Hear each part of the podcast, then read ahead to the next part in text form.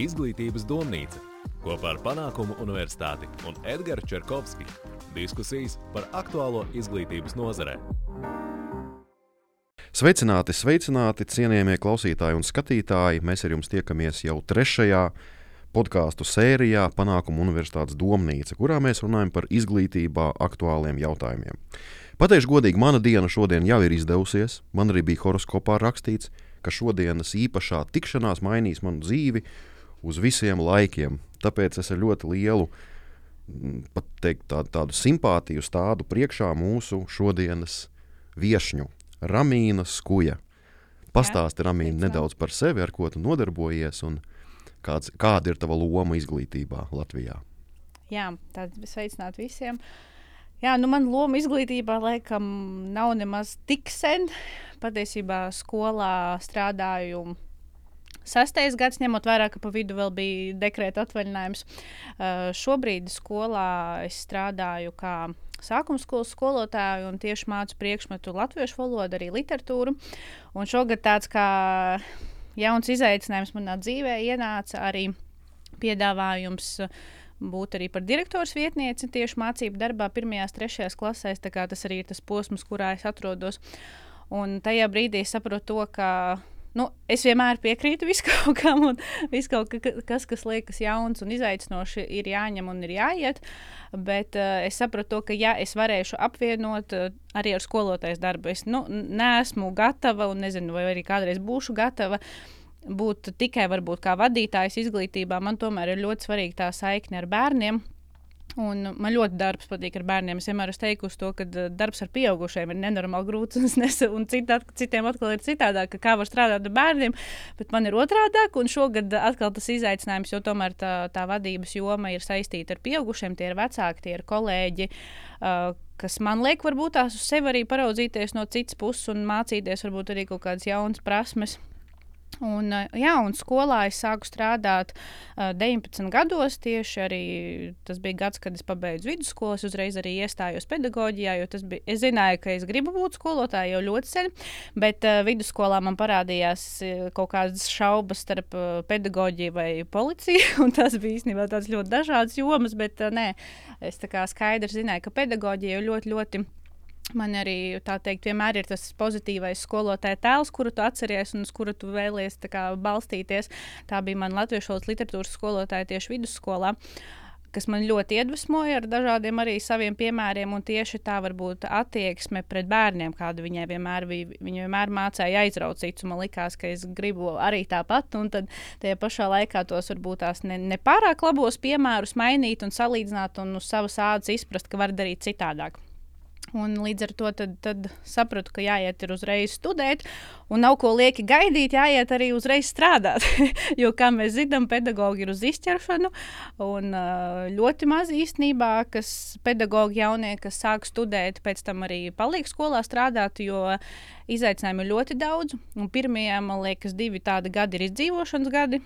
Un, ja tu tiec skaidrībā, ja tu izdari visu, kā vajag, un tā teikt, izdzīvo to posmu, tad tu skaidri zini, ka tu vari strādāt skolā.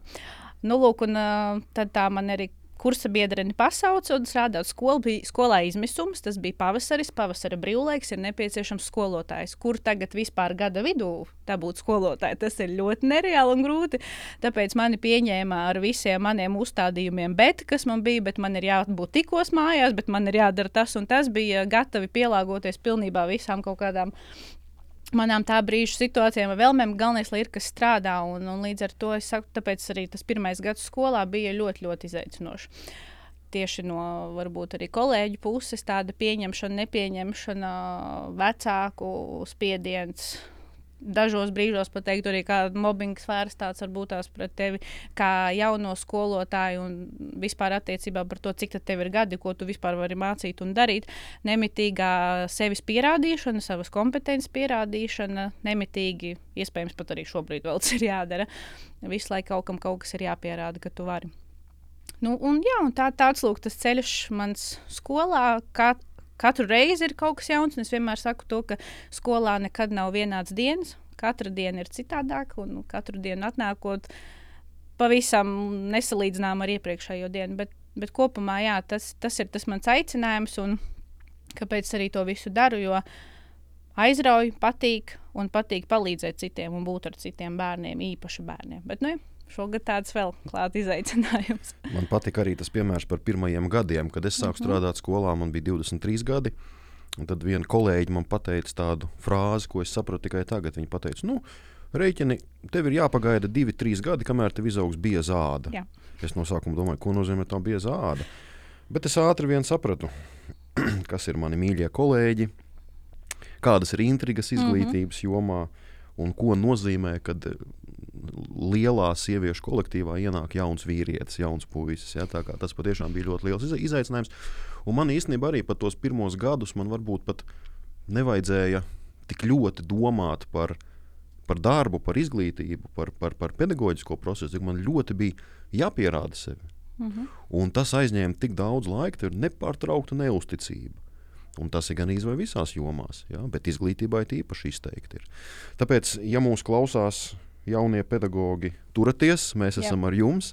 Un paturiet prātā arī tie, kas nākotnē būs skolotāji. Tieši tie pirmie gadi ir tie, kas jums arī liks izprast, ko -hmm. nozīmē izglītības joma. Šodienas mūsu tēma ir mūsdienīgs skolotājs. Mēs bieži lietojam terminu mūsdienīga izglītība, mūsdienīga skola. Kā tu varētu raksturot, kas tad īsti ir mūsdienīgs skolotājs? Jā, nu, mūsdienīgs skolotājs, manuprāt, ir tāds kopējs, kopējs tēls, un es nezinu, gluži varbūt kā vienā vārdā to raksturot, bet man nāk uzreiz prātā tāds, kurš ir vērsts uz sadarbību, noteikti, jo tā ir neatņemama sastāvdaļa skolotājiem skolā. Jo, ja tu vienkārši gribi atrasties un sēdēt savā kabinetā un ar vienu neko ne, nerunāt, nedalīties, īsti nebūs. Ja? Jo mūsdienīgam skolotājiem ir jāsadarbojas. Mm, tad man liekas, noteikti, ka tā ir ieinteresētība tieši ikdienas bērnu ikdienā, kā tādā. Tu nevari vienkārši atnākt uz darbu, novadīt savu stundu un aiziet mājās. Ja? Tur varētu būt arī tā atšķirība. Un runāt ar bērniem, iepazīt viņus, noskaidrot, kas, viņiem, kas viņus interesē, ko viņiem patīk darīt, kas ir tas, ko viņi ikdienā dara, galu galā hobija. Un noteikti nebaidīties stāstīt arī par sevi. Jo man liekas, ka bērniem nu, varbūt tā, nu, viņiem ir interesanti, jā, bet uh, skolotājs ļoti bieži vien grib paslēpt savu to to tēlu slikto pusi kaut kādu, un viņš laikam mēģina radīt kaut kādu īstenībā nepatiesību, kas viņš ir. Mēs visu laiku nemitīgi stāstām bērnam, kas ir jādara, kā viņam ir jāuzvedas, dari to, dari šādi, vai kāpēc tu nemācies. Bet es ļoti bieži vien kaut kādās situācijās paskatos pati uz kolēģiem, uz skolotājiem, un tad es vienmēr saku, nu, nu gluži tā kā mani bērni, nu tā kā klase manēja. jo uzvedība patiesībā ir tāda pati, un tā kā mēs arī sakam vienmēr vecākiem, kad nav jāaudzina, ir jārāda piemērs tad to pašu laikam arī vajadzētu, gribētu sagaidīt no skolotājiem arī tā savu piemēru radīšanu, nevis vienkārši ar, ar pirkstu rāšanu un bakstīšanu.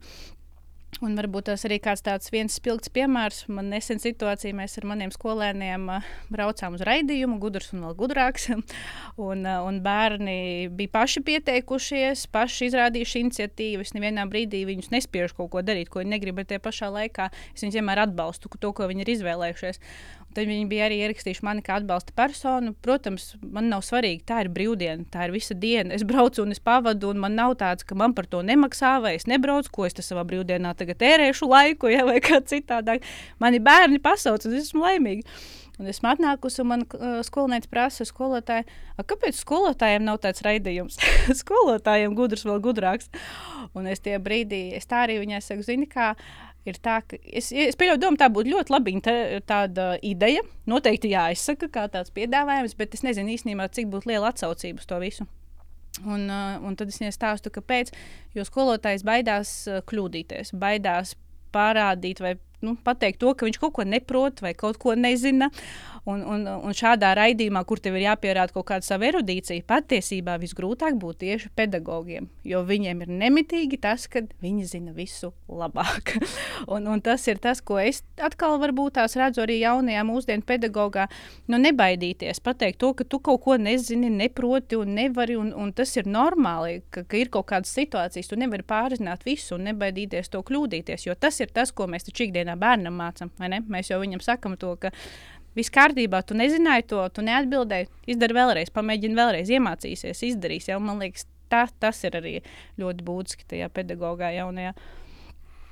Tātad, ja es pareizi sapratu, tad mēs ar terminu mūsdienīgs skolotājs izprotam nevis cilvēku, kurš māca ieiet zūmā, augšu pielādēt prezentāciju un varbūt jau avansētāk arī pastāstīt mm. kaut ko vairāk par, par tehnoloģijām, bet mūsdienīgs skolotājs ir cilvēks, kurš pēc būtības ir fanātiķis savam darbam. Mm -hmm. Un darbu uztver kā dzīvesveidu. Pareizi Tieši tā. Jā. Vēl viena no svarīgākajām mūsdienīga pedagoģa kompetencēm ir tā saucamā pašmācība un arī mm -hmm. pašmotivācija. Kā tad īsti šajā laikā ņemot vērā to, ka mums ir tik daudz izaicinājumu, kā nepazaudēt sevi, kā neizdegt, bet tajā pašā brīdī uzņemt jaunāko informāciju un tajā pašā brīdī arī spēt mācīties pašam. Mm. Jo es esmu piefiksējis, ka skolotāji bieži vien nonākot skolā, jau strādājot, viņiem liekas, ka vairs īsti tā kā mācīties nevajadzētu. Bet mēs sapratām, ka jāmācās ir visu mūžu. Kā tad, mm -hmm. kā tad strādāt šajā jomā, kā nepārtraukti mācīties? Jā, jūs tagad minējāt ļoti, man liekas, tādu svarīgu problēmu, kas tā, tā arī ir. Jo tas ir tas, ko mēs arī skolā mudinām skolotājus jau savstarpēji sadarboties, mācīties vienam no otra. Un tas jau sagādā tā, tādas problēmas, grūtības. Uh, jau vienam no otra mācīties, kur nu vēl varbūt tās tālāk aiziet. Bet jā, par, par to piemēru, par to vienam no otra mācīties, gribēju pateikt arī. Mūsu skolā arī ir, kur es strādāju, ļoti daž, daudz dažādu sadarbības stundas. Man prieks, ka arī skolotāji nāk uz viņām, bet ir visu laiku nemitīgi jāuzrunā. Uh, jāaicina. Tāpat mums arī ir tāda stundu filmēšana, ja mēs dalāmies pieredzē. Arī tur ir skolotājiem ļoti liels izaicinājums. Atkal kaut, nu, viņam liekas, varbūt tās, ka nu, ir, ir divas, divi varianti. Nu, ko tad es, es jau neko? Vai arī otrs variants - pašpietiekamīgi pārāk lielie. Un, un man liekas, tas ir tādi tā divēja galējie punkti. Jo, ja tu esi ja tu uzskati, ka tu esi pietiekami zinošs, un atkal tu taču visu zini, un, un ko tad vēl jau vairāk mācīties, ja? vai kas tad tās tagad par tām jaunajām kompetencēm, kas ir ienākušas, kas visus biedēja tik ilgi.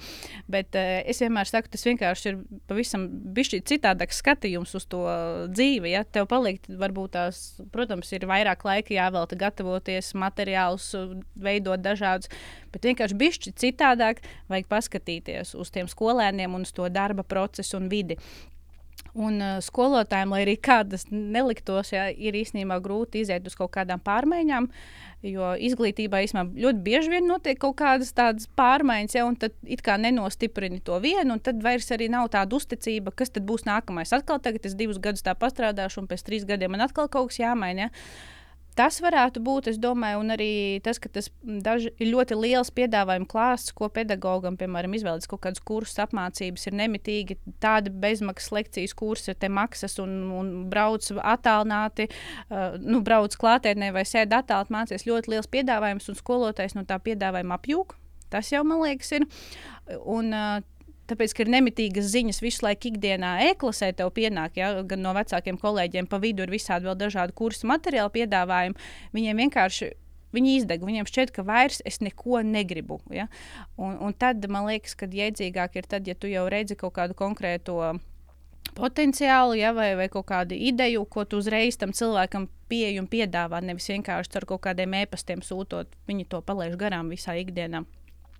Un, uh, Nu, jā, un tad jautājums, cik, cik ļoti viņi ir gatavi to darīt, jo tā tiešām ir tāda problēma. Nu, jā, tās pārmaiņas arī balstās uz to, ka mums nepārtraukti ir jāmācās. Es teiksim, arī starp, mm. tieši uz saviem kolēģiem skatoties, diemžēl jau nu, izglītībā strādāju desmit gadus, bet esmu redzējis vairākus jaunus cilvēkus, kas fiziski izdeg. Tikai jā. dēļ tā, ka viņi pārāk daudz uzņēmās, pārāk daudz gribēja mācīties, pārāk daudz gribēja attīstīt sevi, un tas gala rezultāts ir. Tāpēc arī jautājums ir ļoti svarīgs. Man liekas, arī mūsdienīgs skolotājs ir tas, kurš spēj sabalansēt Jā, un saprast to, kas ir noteikti. nepieciešams. Jo, ja mēs arī paskatāmies tagad šī, te, kāpēc tieši pedagogiem pieaug sociālā trauksme, mums informācija ir visapkārt. Mēs televizorā dzirdam, ka skolotājiem ir jāmācās, ieejam sociālajos tīklos, visu laiku skolotājiem ir jāmācās. Un tur jau tā tra trauksme arī, arī rodas, jo tā mm -hmm. pasaule mainās tik tik strauji, ka ir ļoti grūti sekot. Es vienmēr esmu apbrīnojis teiksim, matemātiķus. Viņiem kā zinātniski tas tika izveidots, tā tas arī ne, nekad nav mainījies. Bet cik grūti, piemēram, ir informāciju, komunikāciju, tehnoloģiju skolotājiem, cik grūti ir ekonomistiem, uzņēmējiem. Tas tās jomas, kas visu, visu mm -hmm. laiku, visu laiku. Un tev nemitīgi jāseko jā. līdzi un tā teikt, jābūt lietas kursā par to, kas notiek. Jā.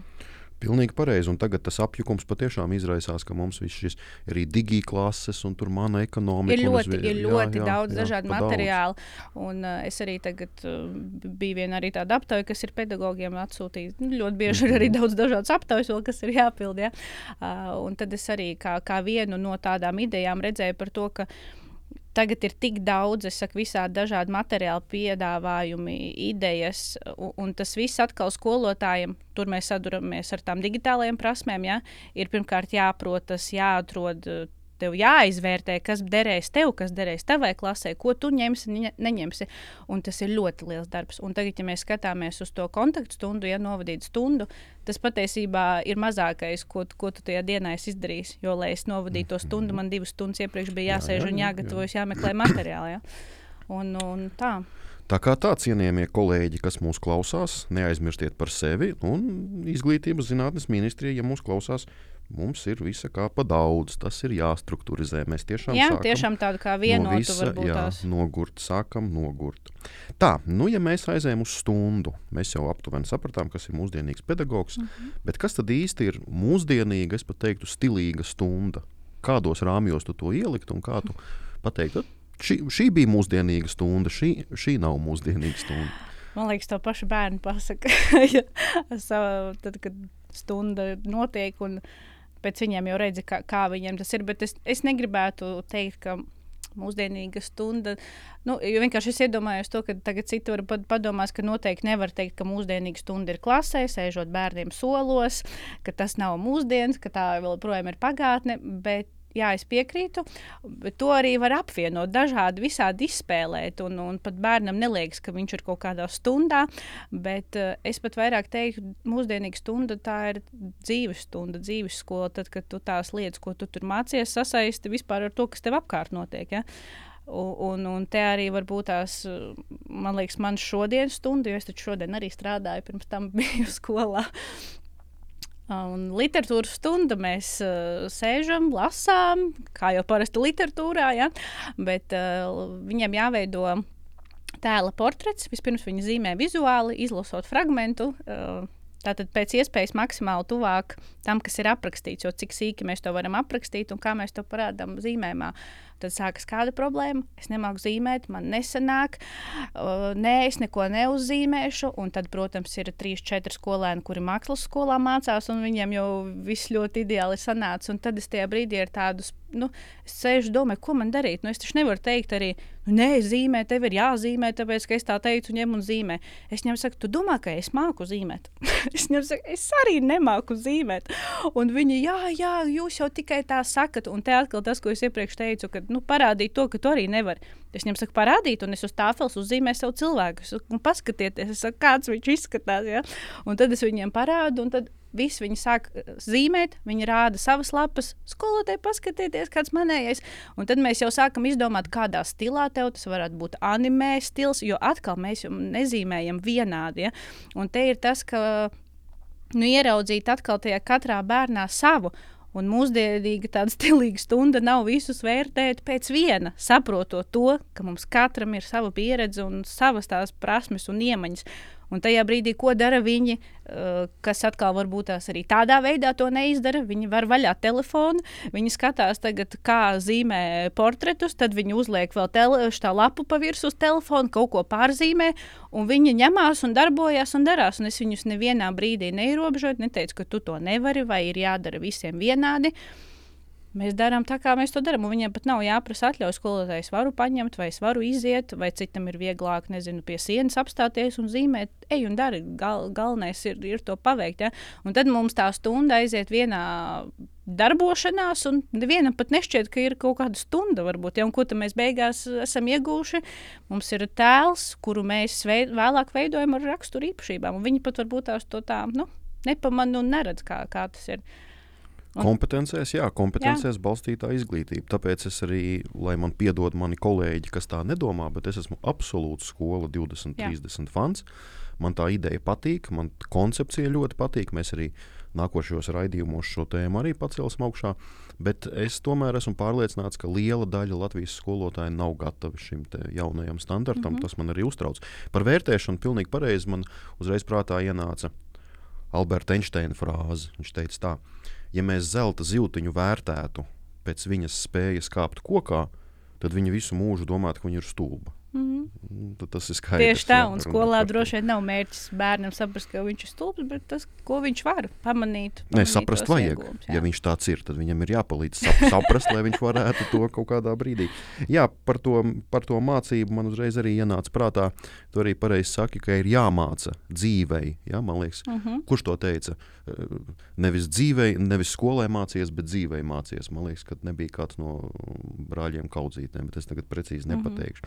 Un man bija tāds gadījums, es atceros, mm, es darbojos augstākās iz- izglītības jomā, mums bija bakalaura darba aizstāvēšana, un viens puisis secinājumā ierakstīja tādu frāzi: Zinu ekonomiku uz 100%. Un Tas bija viņas secinājums. Uz ko es viņam pajautāju? Es saku, zini, pasaules mēroga ekonomisti, Nobela prēmijas laureāti savā mūža nogalē ir atzinuši, ka viņi no ekonomikas nezina neko. Un jebkurš -hmm. ekonomists pateiks, ka visu mūžu darbojoties šajā jomā, vēl aizvien nav sapratis, kas ir ekonomika. Un beigās viņš pateica, nē, es zinu visu uz 100%. Es saku, labi, draugiņ, tūlītās mēs tev bišķiņu pamācīsim. Es saku, es tev uzdošu trīs jautājumus. Visticamāk, tu uz viņiem neatbildēsi, un gala rezultātu beigās pats sapratīsi. Es viņam uzdevu trīs jautājumus, protams, smagus, jo bija par indeksikāciju, par algoritmizēšanu. Viņš neko to ne, ne, nezināja.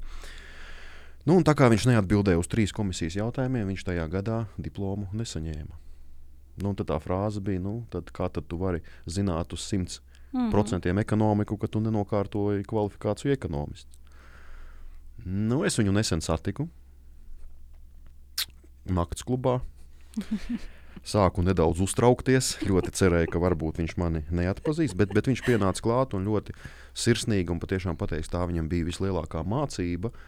Un ka viņam pašam tagad ir neērti, jo viņa priekšā sēdēja profesori, programmu direktori, ja, kas nekad tā nav atļaujušies runāt. Viņš pēc tam arī pabeidza, aizstāvējās, un tagad man liekas, ka pat, cik viņš ru- runāja par domā arī pat par doktorantūru. Tā kā tādā ziņā. Tā kā, jā, tā kā tas ir tas, ko mēs mm. bieži, bieži nesaprotam, ka mums patiešām ir jāmāca tāda eh, dzīve un patiešām ir jāmāca tas, kas bieži vien ģimenēs nav iemācīts. Ja, jo, teiksim, es arī mm, skatos uz saviem kolēģiem.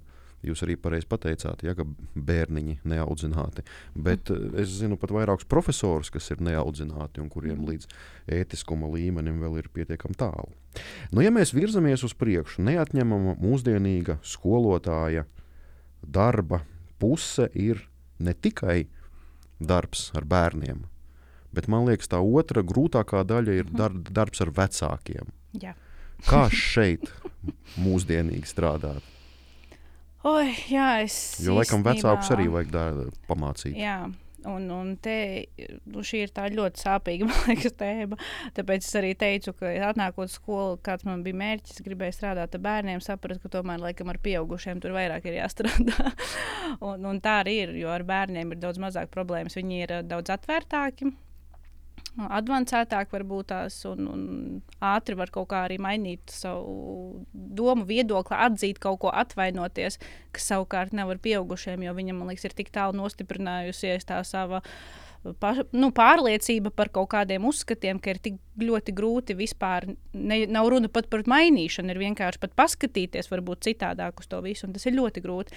Attiecībā, ja tas vēl ir pieaugušais vecāks, ja, jo tomēr. eh, Mūsdienu vecāki uh, savus bērnus, manuprāt, ļoti lolo, mēģina dzīvē iedot to labāko, skaistāko un, un tā teikt, varbūt tās norobežot no tās sliktās, negatīvās pieredzes, bet arī no, no, no tā jau arī tikai mēs kaut kādā veidā mācāmies. Tu nevari pasargāt un, un nemitīgi gribēt tikai tur, protams, tos labākos skolotājus vai to labāko izglītību, jo, protams, mēs gribam, bet, bet kā tas ir realitātē, tas atkal ir cits jautājums. Ja, un vecākiem ir tas, ko es esmu sapratusi, ka ir jābūt uh, īstenībā pašam ļoti atvērtam.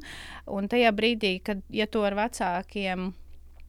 Nu, ja to ar viņiem izva, izvai, no viņiem izvairies un izvēlies ar viņiem mazāk komunicēt, jo tā atkal ir attie, aiziešana prom no problēmām, tad tās problēmas rodas vairāk.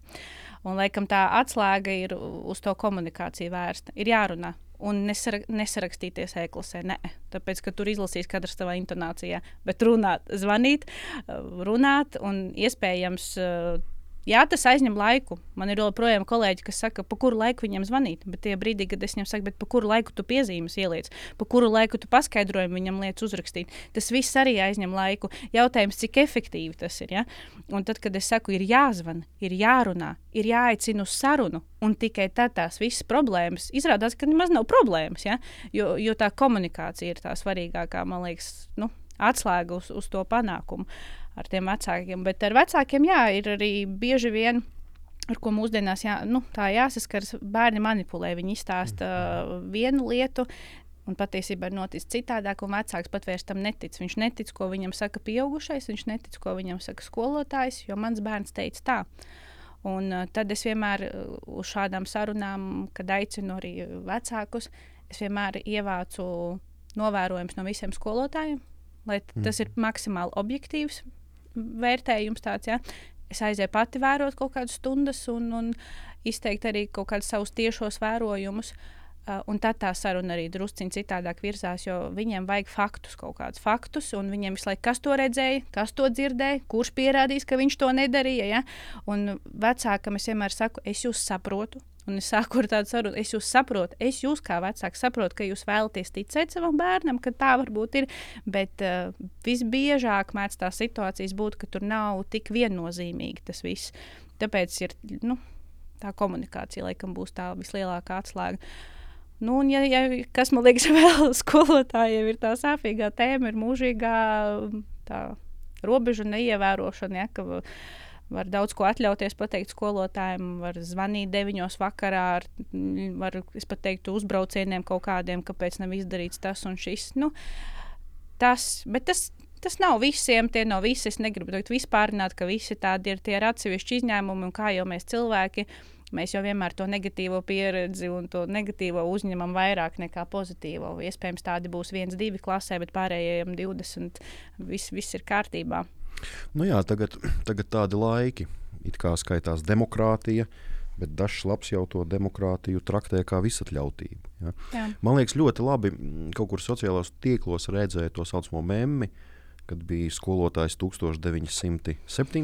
gads kad skolotājs dusmīgi kaut ko mm. tur strostīja bērnus un vecākus. Tagad ir tieši pretēji. Tāpēc, ka viņi dzīvoja jā. vecāki tajā pieredzē, tajā un viņi laikā, vairs negrib jā. to saviem bērniem, kas arī ir normāli un saprotami, bet viņi bišķi aiziet citā galējībā, kad pazūd jā. kaut kādas robežas vispār kā tādas. Es tā sāku domāt. Nu, mēs arī visādi ziepes taisījām skolā, un, diemžēl, viņas mm. bija pat tādas, ka varēja tas viss arī slikti beigties kaut kādā brīdī. Bet mēs vienkārši baidījāmies no tā, uh, ja mums izsauks vecākus uz skolu. Tas bija, tā, tā bija panika vienkārši visās iespējamās. Tāpēc, mm -hmm. ka mhm. sauca tikai pie nopietniem pārkāpumiem. Un, jā, bet mēs ļoti daudz ko arī teiksim. Mēs arī toreiz sapratām, ka nu, teiksim, mums bija tāds darbmācības skolotājs, skolotājs Andris. Viņš tā, tādā ziņā, ja, kas laikam mūsdienīgi tas tā nevarētu būt. Bet, ja tu kaut ko ne tā izdarīji, bet nu, patiešām kaut ko izdarīji, tu vienkārši varēji ar tenis bumbiņu dabūt pa galvu, piemēram, mm. jā, vai ar kādu blāķi, ar kaut kādu mm, pagali tev iemest, un tā tālāk. Bet tas patiešām bija saprotami. Un, ja tev iemet ar bumbiņu, viss klasē bija klusums, tāpēc, mm -hmm. ka tu saprati, ka tu esi pieļāvis ļoti nopietnu kļūdu, ja jau to skolotājs iemet ar bumbiņu pa galvu, tādā ziņā. Bet neko tādu mājās pateikt eh, nevarēja. Jo es teiksim, zinu arī savu vecāku reakciju. Viņi uzreiz pateiks, nu, droši vien tāpat viņš tev neiemet, mm -hmm. un mhm. vajadzēja vēlreiz mm -hmm. iemest. Ja? Bet, nu, protams, ka vecāki tagad mainās un nāk jaunā vecāku paudze, mm -hmm. kas patiešām ir īpaši apdāvināta. Skatoties arī uz tiem vārdiem, ko es bieži vien lasu. Uh, Tā tad jābūt pietiekami interesantiem vecākiem, lai šādu tipu vārdus dotu. Bet nu, skatīsimies, kā būs. Es domāju, ka viss mainīsies, un skolotāji kļūst mūsdienīgāki, mm. vecā paudze pazūd, un, un, un uzskatīsim, ka arī vecāki arī mainīsies un būs daudz maz lojālāki. ne visi vecāki, jā, ne visi tas arī ir jāsaprot. Bet, nu, jā, tā ir. Tālāk, viena no ļoti svarīgām, mūsdienīgām arī mūsu dzīves sastāvdaļām ir sociālai tīkli.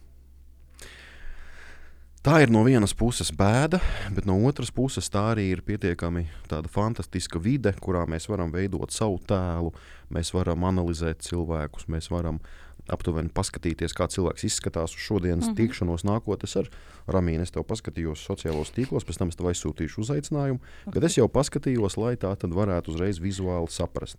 Pateikšu uzreiz ar Ramonu, ir tā, es, es, es saprotu, ar Ramīnu. Vienkārši man, man, man, man bijusi draudzene Ramona, tāpēc es laiku piemiņu, viņa tagad ļoti priecīga būs. Ramīna, bet es eh, biju pārsteigts, tāpēc, ka kāda, kāda, kāda bija smuka bilde, tāda tāda arī bija dzīvē. Jo, jo man parasti pieredze ir tāda, ka, ka sociālos tīklos viss ir tik samākslots, viss ir tik skaists, un es dažreiz paskatos, bet dzīvē tā nav nu, Photoshops un daudz visādi veidi programmas, bet es teicu, tai vienai meitenei, pēc klausies, pat ja tu pazudīsi, tevi neviens pēc tam neatradīs, tāpēc ka pēc tās bildes tevi nevarēs atpazīt. Tā kā tev tur ir, ar to jābūt ļoti, ļoti uz, uz, uzmanīgiem tādā ziņā. Ja? Bet, protams, skolotājs arī ir cilvēks, skolotājs arī grib būt Facebookā, skolotājs grib parādīt, cik viņam viss ir skaisti. Un te pašā brīdī grib būt arī Instagram, daži pat ir TikTokā un tā tālāk. Mums arī, ja nešaubos, šis slavenais influenceris Žiga, Žigas ceļojumu. Jā. Viņš ir skolotājs, ja man liekas, es esmu pa, pa viņu lasījis, ka viņš Val Valmierā pasniedz geogrāfiju. Vai, vai, jā, es arī biju ļoti pārsteigts, bet īsti, un viņš ir atklājis. Jā, un viņš vēl aizvien praktizē. Jā, tāpēc, ka bija par viņu kaut kur raksts, es lasīju, es jau pēc bildes nevarēju, bet es sapratu, nu, viņam tas vārds Žigimans, viņš ir viņam tāds interesants, mm -hmm. specifisks vārds. Lūdzu, ļoti labs nu, nu, piemērs, tāds specifisks piemērs, ka skolotāji var būt arī uh, influenceri. Kā tad tu saskati sociālo tīklu loma izglītībā un skolotāja tēla veidošanā? Kādi būtu komentāri? Jā, jā nu. Es, man vēl joprojām, jā, man ir Instagram, man ir Facebook, bet es vēl, man ir slēgts profils. Un vienā dienā es sāku domāt par to, ka varbūt tās jāvar vaļā profils, jo it kā jau neko tādu es tur varbūt nelieku, no kā es gribētu kaut ko paslēpt. Nav tā. Es nezinu, vienkārši laikam tā, tā, tā domāšana ir, ka skolotājiem ir jāuzmanās par to, ko viņš visu laiku liek, jo viņš ir tādā kā uz atklātas skatuves. Ja? Un tajā pašā laikā es arī savā Instagram profilā ikdienā dalos ar to, ko es daru ar skolēniem. Un, un dažādi savu ikdienu rādu, un tajā pašā laikā man likās, kāpēc gan nē, nu, kāpēc arī to profilu neatver. Tāpēc es tā sāku aizdomāties jau nedaudz par to, bet jā, es esmu arī aktīvs sociālo tīklu lietotāja. Pagājušajā gadā Šajā pandēmijas laikā, kad bija attālinātais mācību process, arī izveidoju Facebook lapu skolotava, kurā es dalījos ar uh, dažādiem materiāliem un uh, ai, gribēju aicināt un mudināt, lai to arī dara citi. Tā ir atkal tā sadarbība, tā ir tā nu, mācīšanās, man liekas, vienam no otra, kas ir tas mazākais, ko tu vari darīt, mācīties viens no otra, un tālāk jau varbūt tālāk kursa izglītība un vispārējais. Bet, uh, es vienkārši sapratu, ka to, ar to arī ir ļoti grūti un kūtri. Un, uh, es biju likusi dažādus materiālus. Paš, nu, sevis, savis, sevis veidotus un neprasīja par to arī nekādu samaksu. Bija kaut kādi tālāk izstrādāti projekti, protams, kas daudz vairāk prasīja no manis ieguldīt laiku, un tā samaksa arī vairāk vai mazāk simboliski, jo tomēr tu ieguldi sevi un veido materiālus un dalies, bet uh, arī saņēmu diezgan lielu atgrieznisko saiti no skolotājiem. Ar ļoti daudz paldies par to, ka dalos un, un ir šāda iespēja. Bet arī saskāros ar otru pusi, varbūt tās kā tādu, kad uh, nu, tiek sūtīti varbūt tās kaut kādi nevajadzīgi komentāri un teksti par to, ka Es taču esmu latviešu valodas skolotāja, kā es varēju kaut kur komatnē ielikt, ja? nu, tādas lietas. Un tad tu tie brīdī sāc domāt nopietni, vienkārši nopietni. nu, es saprotu, jā, man ir jānes tas tēls, un, un īpaši, ja tu esi latviešu valodas skolotājs, nedod Dievs kaut kur neieliks kādu garumzīmi. Jā, es pievēršu ļoti daudz arī uzmanību pareizrakstībai, bet ne līdz tādiem sīkumiem, ka tu sāc meklēt un rakņāties tajos materiālos. Ja? Um, arī var atzīt, ka nezinu, nepārzinu visus rakstniekus, dzīsniekus un dzējos no galvas. Nezinu, nezinu, es to varu atzīt, man nav problēmas. Ja, bet tad, kad tev tā sāk uh, piesieties, piekasīties, tu sāc varbūt domāt par to otru pusi, vai tu to gribi savā ikdienā, vai tu gribi, lai tev ir visu laiku tas nemitīgais skolotājs status, ka tev ir jābūt tā un šādi un nekā citādāk, un nu, cik ļoti esi gatavs to iznest. Un uh, arī, kad es biju dekrēta atvaļinājumā, es nestrādāju, bet uh, arī visā šajā pandēmijas ietekmē radās. Um, Šāds projekts, tava klase, kurā arī es uzreiz pieteicos. Jo kas man uzrunāja? Man uzreiz uzrunāja aicinājums uh, Mēs meklējam skolotājus, kas tagad varētu palīdzēt, veidot saturu. Man uzreiz tas pirmais palīdzēt, jo es taču vienmēr arī māte Terēza visiem vajag palīdzēt. un es, jā, es piesakos, es eju. Jā, un filmēšanās projekts, filmējam stundas, un mana stunda vispār bija tieši pirmā, kuru rādīja arī televīzijā. Un tad jau uz to bija tik liela ažiotāža, ka vispār kaut ko tādu rāda. Tad bija skaidrs, ka pirmo stundu noteikti viss skatīsies. Un arī tad man bija sūtītas dažādas ziņas par to, ka es nepareizi rakstu. Ka es iburtiem, mm -hmm. kā es varu mācīt latviešu valodu, ja es iburtam velku aplīti, nevis punktiņu lieku. Un es tie brīdī neko tam cilvēkam neatbildu, jo man liekas, ka tavs komentārs parādīja par tevi daudz ko. Uh, un tajā brīdī es sajūtu lielu atbalstu no kolēģiem, varbūt tās no tuviniekiem par to, ka tā ir. Un, un priecājies par to, ka tev tikai tas bija, ja, jo citu pie cita kā nebija piesieties. Ja, un, un mēģināt saskatīt to pozitīvo. Un tas tā, tā ir mana tā pagaidām pieredze, ar kuru es esmu saskārusies kā tāds skolotājs tēls sociālajā vidē un sociālajos tīklos. un Tāpēc es, saku, es vēl domāju par to, vai savu profilu taisīt, atvērt vai nē, jo, jo tā pieredze ir bijusi. Mm -hmm. Un negribētos, lai tā būtu mana ikdiena, ka man vēl kaut kur tur ir jāuzkrētās negācijas. Nu, tā, Nu jā. diemžēl, Tā ir. un- par laimi. Jā, nu par tēlu veidošanu es piekrītu. Man te kolēģi vienmēr saka, nu, tāda sajūta, ka tu esi visur. Nu, bet tas ir veidojies Mm. tikai pateicoties, pateicoties sociālajiem tīkliem. Bet, jā, ir, kā, kāpēc arī to jautāju? Jo te tiešām bijuši ļoti daudz interesanti gadījumi. Piemēram, es zinu, ka vienā mm, Latvijas skolā teiksim, vecāki uzrakstīja direktoram sūdzību par to, ka skolotāja peldkostīmā nofotografējās kaut kur pludmalē, piemēram. Neskoties to, ka viņai nav viņas skolēnu draugos. Neskoties to, ka tas viss bija ārpus darba laika, bet tik un tā cilvēki šo iniciatīvu mm. -hmm. izveidoja. Un tāpat bija vesela vecāku grupa, kur tika savākti paraksti. Nu, es pēc tam paskatījos uz to māmu. Tas skaidrs, mm. Viņai vienkārši skaudība visticamāk bija. Tā meitene bija ļoti simpātiska. Jā. bet, bet cilvēki tādi ir. Uz jā. to mēs arī, man liekas, visbiežāk atduramies uz to skaudību, uz to, ka kādam kaut kas sanāk, varbūt man nē, un tad, tad jau arī vienmēr tie komentāri negatīvie rakstītāji ir arī. Nu, Cilvēks, Jā, kurš jā. varbūt gribētu dzīvot un darīt labāk, bet varbūt ir kaut kāda apstākļu situācijas, kas to neļauj izdarīt, un tad tu redzi kādu, kurš to dara, un, un tad Nu jā, sāc par to tā es- izdomāties. Jā. Tas arī ir tā, tā saucamā žults izlikšana. Jā, jo, teiksim, jā. es arī skatos bieži vien komentārus, ko augstskolās raksta, ko skolās raksta. Pamatā visu laiku tur ir ļoti daudz negativitātes. Ja? Cilvēki mm. Mēģina sevi mm, kaut kādā veidā, mm, nu, varbūt uzlabot tajā ziņā sev kaut kādu psiholoģisko nostāju, ka viņš ir izlādējies un uz, uz, teiksim, uz kādu citu jārealizēt. un tā. Bet es tā vienmēr arī esmu par to domājis.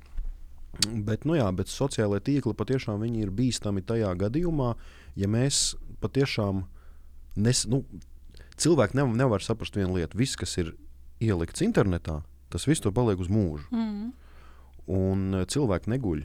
Ir, ir tādi, kas, piemēram, es zinu, eh, man viena tāda pazīstamā, vienam manam kolēģim no vienas mācību citas iestādes, viņš ir ļoti aktīvs pasniedzējs. Un, ja viņš bišķiņ kaut ko kļūdās, nu, te, teiksim, tur ieliek kādu postu, tur, nu, piekdienas vakarā kaut kur ap vieniem, diviem naktī, piemēram, tā tālāk. Ja, protams, viņš no rīta to visticamāk izdzēš, bet viņa to visu krāja.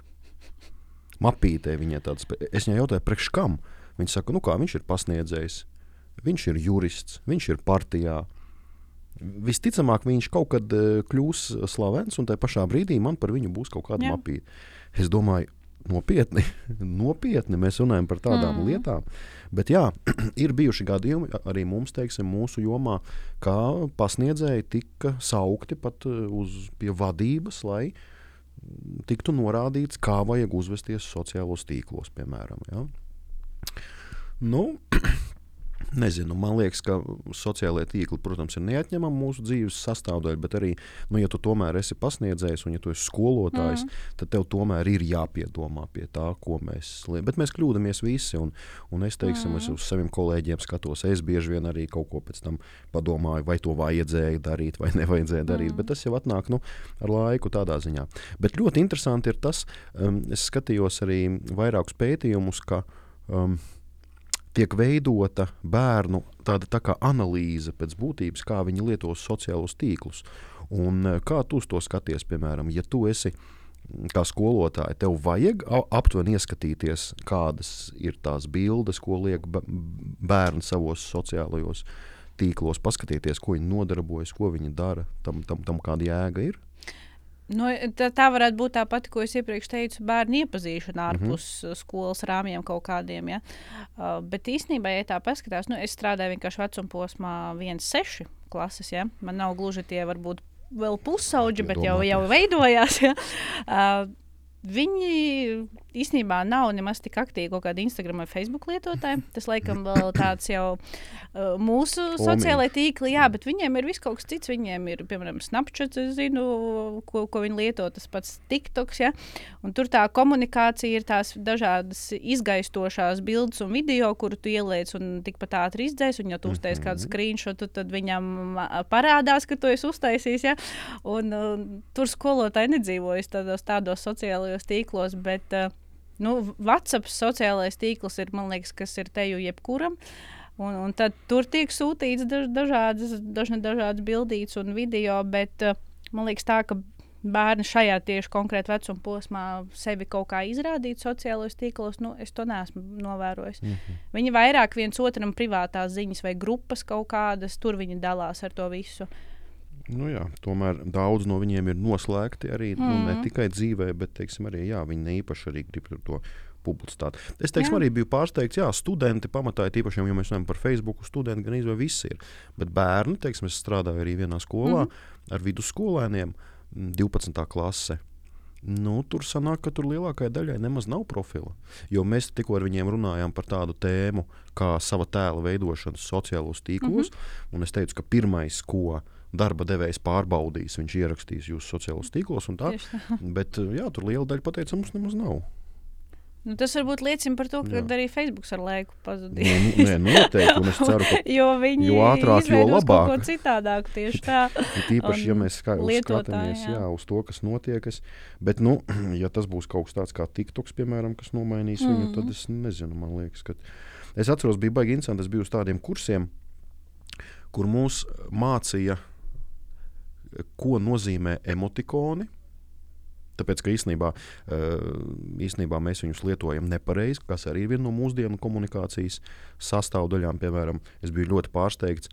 Mm, viss klasiskākā kļūda ir tagad ļoti populāra šīs divas rociņas kopā saliktas. Ja? Tas, ko simbolizē, es domāju, nu, paldies. paldies Nē, mm. izrādās, ka tas ir sasit, dod pieci. Yeah. Ja? Un tad bieži vien sanāk tā, ka, ka teiksim, tiek uzrakstīts, ja tur teiksim, paldies un dod pieci. Nu, tādā ziņā tas nav tik traki kā tajā slavenajā gadījumā, kad uh, bija tā mm, mamma uzrakstīja meitiņai, ja Omīte nomira un ielika to emotikonu, kur tas viņš tā kā viņa, viņa, viņa, viņa domāja, ka tas ir raudošs cilvēciņš, mm -hmm. bet tas bija tieši pretēji. Viņš tā smējās, ka viņam tās asarām, nu, līdz tām asarām, jā, jā, tādā ziņā. Nu, tas arī bija interesanti. Un tad es atceros, ka mūs mācīja arī to jauniešu slengu, Mm -hmm. Ko tas nozīmē, piemēram, ja? un visas abreviatūras, piemēram, tur LOL un, tad, mm -hmm. un tad VTF un tā tālāk, un to visu stāstīt, tāpēc, ka viņi runā tajā valodā, un dažreiz īstenībā saprast nevar. Un, un tad man liekas arī, ka es dažreiz, kad klausos jauniešu tā ik pa laikam, kā viņi runā, es, sap, es saprotu, ka esmu ļoti tālu atgājis no, tā, nu, no tās realitātes, ko viņi izmanto, un teiksim, kādas, kādas, par kādām izklaidēm viņi runā, par kādām filmām. Teiksim, nu, Tas ir tas mūžīgais jautājums, vai mums vajag tam sekot līdzi, vai tieši pretēji nevajag. Kā tev ir, teiksim, tev, tev sāk veidoties tad, tas jauniešu tāds pēc būtības eh, runāšanas veids un tam līdzīgi. Tu iedziļinājies tajos, ko nozīmē emotikoni, ko nozīmē šīs abreviatūras viņu slēngā. Nu, vienmēr sakot, jauniešu slēngā. Jā, ja man liekas, ka es pat arī tā vēl ikdienā runāju kaut kur un lietoju.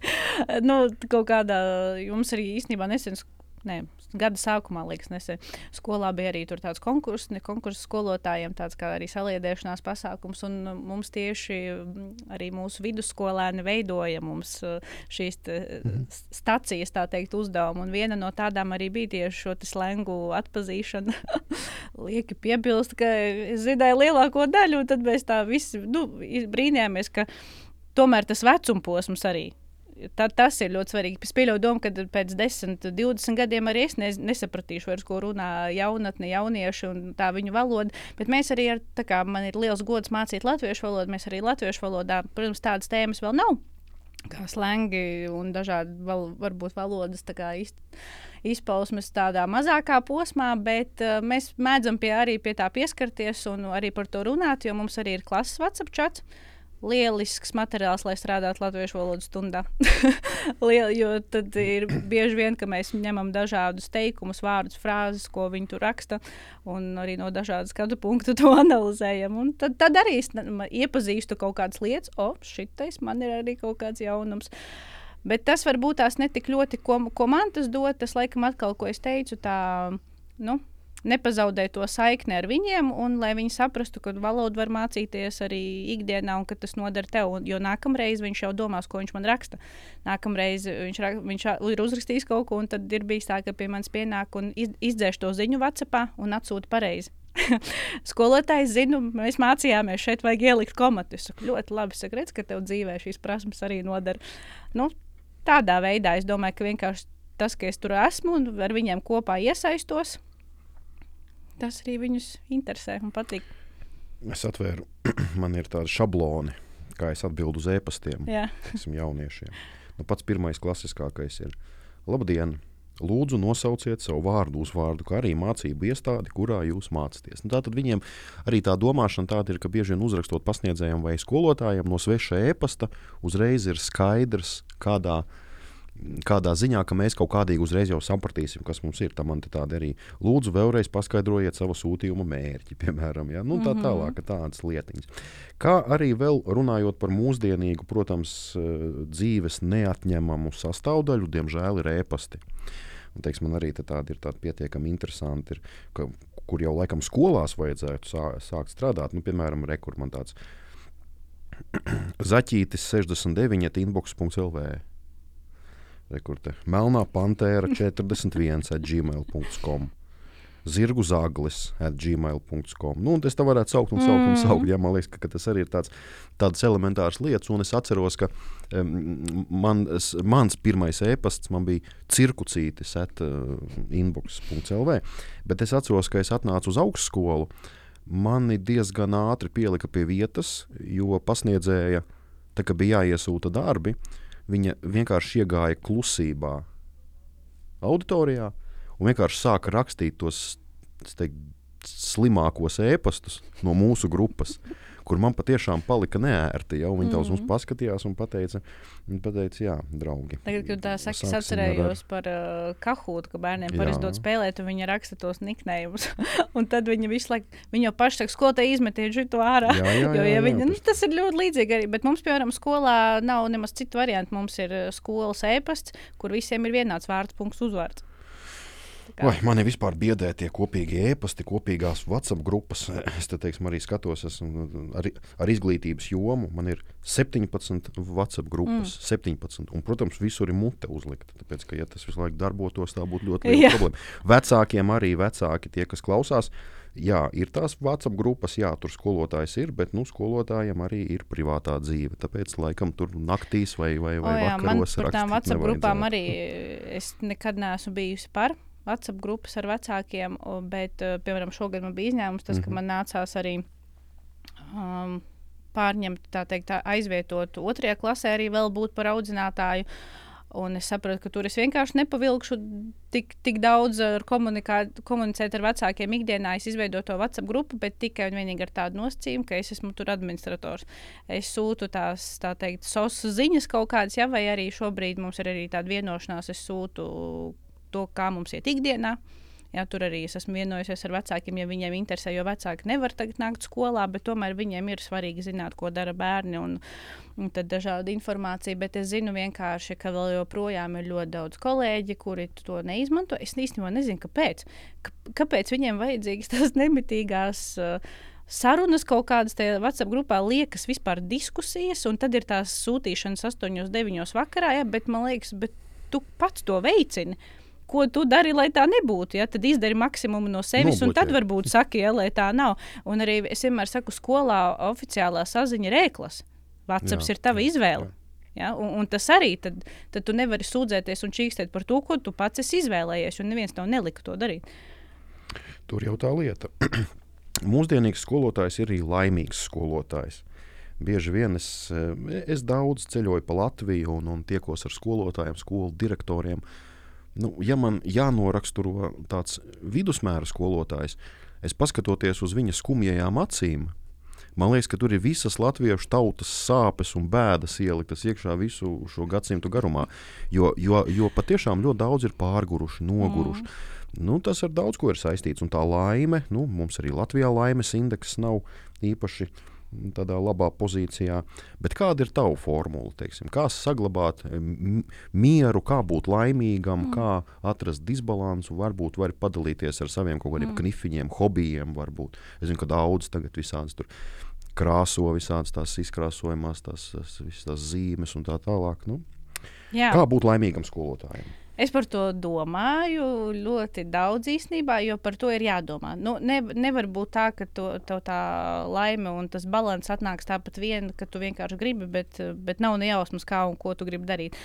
Nu, man ir daži vienkārši pavisam tādi elementāri noteikumi, kurus es ievēroju, un ļoti reti, reti ir tās kaut kādas dažas izņēmuma reizes, ka es varu to pārkāpt. Es nestrādāju mājās, nekad nenesīšu darbu uz mājām. Nu, ļoti rets var būt kaut kāds izņēmums, ka man ir pilnīgi viss deg un man vajag to obligāti rītā nodot, paņemšu. Bet uh, es maksimāli izdarīšu darbā. Es nosēdēšu, varbūt darbā līdz uh, man ir bijis līdz pat 9 vakarā. Ja? Bet es darīšu darbā. Un līdz ar to uzreiz tā sajūta, ka tu aizej mājās. Uh, uh, tev nav nemitīgais, ka tu visu laiku strādā. Jo es zinu, ka es atnākšu mājās, un es esmu mājās, un viss, un, un es mēģinu no, no visa maksimāli atslēgties. Protams, ir kaut kāds reizes, kad ir ātri kaut kas jāatbild vai jāizdara. Paldies Dievam, Vācijā balss ziņas ir. Nav jātērē laiks, lai tik ātri uzrakstītu, ātri visiem aizsūtot balss ziņu atbildi. Uh, bet jā, tas būs tas noteikti numur viens. Numur divi brīvdienās nelasu e-klasē ziņas. Tā kā, ja, ja pat man sūta, tad es nevienu neatvēršu. Tikai atkal, ja tas būs kaut kāds speciāls gadījums, ka man pateiks, ieeja izlasi un, un tur ir svarīgi, es izdarīšu, protams, bet citādāk nē. Jo man ir bijis tā, ka, es, kad es sāku strādāt skolā, man bija mega liela fobija vispār no e-klasē vēstulēm tāpēc ka man tur bija tik daudz dažādas, visādas, kad es daru ne tā, vai ko vajag tā, un, un, un visādas. Nu, nekas priecīgs vienmēr sakot, nav tā, ka tu atver un priecājies par to vēstuli. Es zinu, ka es atvēršu, un man būs par kaut ko jāsabēdājās. Diena sabojāta. Jā, un tāpēc man ļoti liela tā fobija jau, es saku, izveidojās pirmajos divos izdzīvošanas gados, saucamajos skolā, un es kopš tā laika sev vienkārši pateicu, ka visas brīvdienas, vismaz brīvdienas es sev debojāšu. un, un tad tas ir mans tas, nu, varbūt tas otrais punkts. Jā, un, un tas, tas, tas, ko es vēl, man ir kaut kādi, piemēram, savi kaut, nezinu, citreiz varbūt liekas stulbi principi vai nē, bet es vienkārši to mēdzu pielietot, darīt un visu, un es no tā neatkāpjos. Ļoti rētas situācijas. Un, protams, arī ir svarīgi, kā jūs arī minējāt, tie hobiji, hobiji ar ko nodarbojies. Jo man liekas, no, nu, nedarīt neko un veltīt savu laiku, atdot arī tikai darbam, Tas arī nav pareizi, lai arī cik es pati esmu liela darba holiķa un ar cik lielu atbildības sajūtu da daru savu darbu, bet es sevi vienkārši piespiežu aiziet un izdarīt kaut ko citu. Eh, citādāk es saku, es varu katru dienu līdz 9 vakarā skolā dzīvot. Bet, uh, Tagad es beidzot esmu atsākusi eh, iet dejās. Es visu laiku esmu dejojis, visu man dzīvi arī esmu gājusi dejošanas nodarbībām. Tautas dejas? Nē, tādas kā hip hop dēļas, mm -hmm. šaudejas, uh, šobrīd high heels dēļas. Mm -hmm. Tā kā viss kaut man ļoti patīk, dažā, dažādība tāda. Bet esmu gājis vis kaut kur tautiskās vēderdējas, līnijas, kas tik nav bijis. Bet tieši tāds, tāds dejošanas virziens. Un, uh, Jā, un tad, kad sāku strādāt skolā, tad, tad pēkšņi vairs tam laika nebija. Un, un, un tad es sapratu, nē, ka man vienkārši ir jāpasaka, ka man tad un tad ir tas laiks. Un tagad divreiz nedēļā es esmu laimīgs cilvēks, jo es sev gribot, negribot, es pussešos izēju ārā no skolas, vismaz pirmdienās, trešdienās. Vismaz tas jau ir ļoti labi. Un, uh, un aizbraucot uz treniņu, kas man patīk tādā darbā, kā skolā, kad es tur atslēdzu prātu. Ja? Jo tas ir ļoti svarīgi. Šādā darbā, kad tev ir jāstrādā ar cilvēkiem, iespējams, kādam var būt fiziskā Atslodzi ir vajadzīga vienkārši apgulties, bet pedagogam atpūtināt prātu. Un atpūtināt prātu, neaizpildīt ar jaunām problēmām, un muļķībām, un mājās, ģimenē situācijām, bet uh, ar kaut ko pavisam citu. Ja? Un manā gadījumā tās ir dejas, un to stundu pilnībā nedomāju ne par ko. Mācos soļus, mācos deju soļus, man šķiet, jāmācās. un, tad, un tad un man nav variantu. Un kas man vēl ļoti, ļoti palīdz, ir īstenībā mana ģimene, mans vīrs. Viņš ir ļoti, ļoti liels mans atbalsts vispār. Tas ir tas cilvēks, kuram es atnākot mājās, es izstāstu visu savas dienas iespējas. Un pats labākais, viņš vienkārši klusē un man uzklausa. Man nevajag pat neko atbildēt. viņš tikai paklausās, un tad viņš, viņš man pasaka, es tevi saprotu. Un tas ir tas viss, laikam, ko es tajā brīdī gribēju dzirdēt. Un esmu no gatava no jauna sākt taisīt ēst kopā, darboties, spēlēties ar bērnu un viss ir kārtībā. Un, un man nevajag pretī nekādu diskusiju vai pateikt, kā pareizi, nepareizi. Man vienkārši vajag uzklausīt. Jo darbā es tomēr ievēroju arī kaut kādu savu, nu, tā teikt, ja, tas, tas tēls, kas man ir un man ir. Uh, Jāmotivē citi, un savukārt, ja es tāda neesmu pati, tad uh, es nevaru to izdarīt citiem. Un ļoti bieži vienkārši nākas saskarties ar tādiem cilvēkiem, kuri ir paši neapmierināti ar dzīvi, nepatīk ne tas, ko viņš dara, tā teikt, viss besī bet tajā pašā laikā viņš nav gatavs mainīt neko. Un tad, kad kaut vai, ja tā kā tu arī sākumā minēji, kādas ir tās tavas laimes formulas, kaut vai es padalos ar viņām, viņš jau neustver to, ka, oh, jā, es varbūt tās arī varētu kaut ko darīt. Viņam liekas, nu jā, tev jau vienmēr viss viegli. Ja? Nu, un tad ir tāda. Ka tu atkal sāc aizbildināties ar kaut ko. Bet nē, vienkārši paņem, izdari, izdomā un, un visu. Nav variantu. Piespied sevi to darīt. Nu jā, katram ir savi, sav, katram ir savas metodes. Es teiksim, jā. Pirms uh, Ziemassvētkiem Ikejā nopirku vienu skapīti. Bet, lai to skapīti saliktu, man bija tāda sajūta, ka tā ir kaut kāda raķešu instrukcija. Tur bija viņu tiks, bet īstenībā tas tā nomierināja, ka pēc tam, kad, tad, kad man vajag teiksim, atslābināties, es braucu uz Ikea, pērku kaut ko un skrūvēju. Un tā man viss skrūvēja, tur lieku kopā. Tas ir vesels, vesels, vesela procedūra. Nu, tā es arī visu dzīvokli principā, pārmēbeļoju Rīgā. Tā kā tā stresa, stresa dzīvē ir pietiekami daudz. Paldies, liels Ramina. Man bija patiešām ļoti patīkami ar tevi tikties. Un es domāju, ka arī to novērtēs arī mūsu klausītāji un arī mūsu skatītāji. Sekojiet panākumu universitātei, draugi! Šie divi vārdi - panākumi un universitāte, lai vienmēr ir jums līdzās. Ar jums kopā bija Ramīna Skuja, Edgars Čerkovskis. Uz tikšanos jau drīzumā. Atā. Paldies! Atā.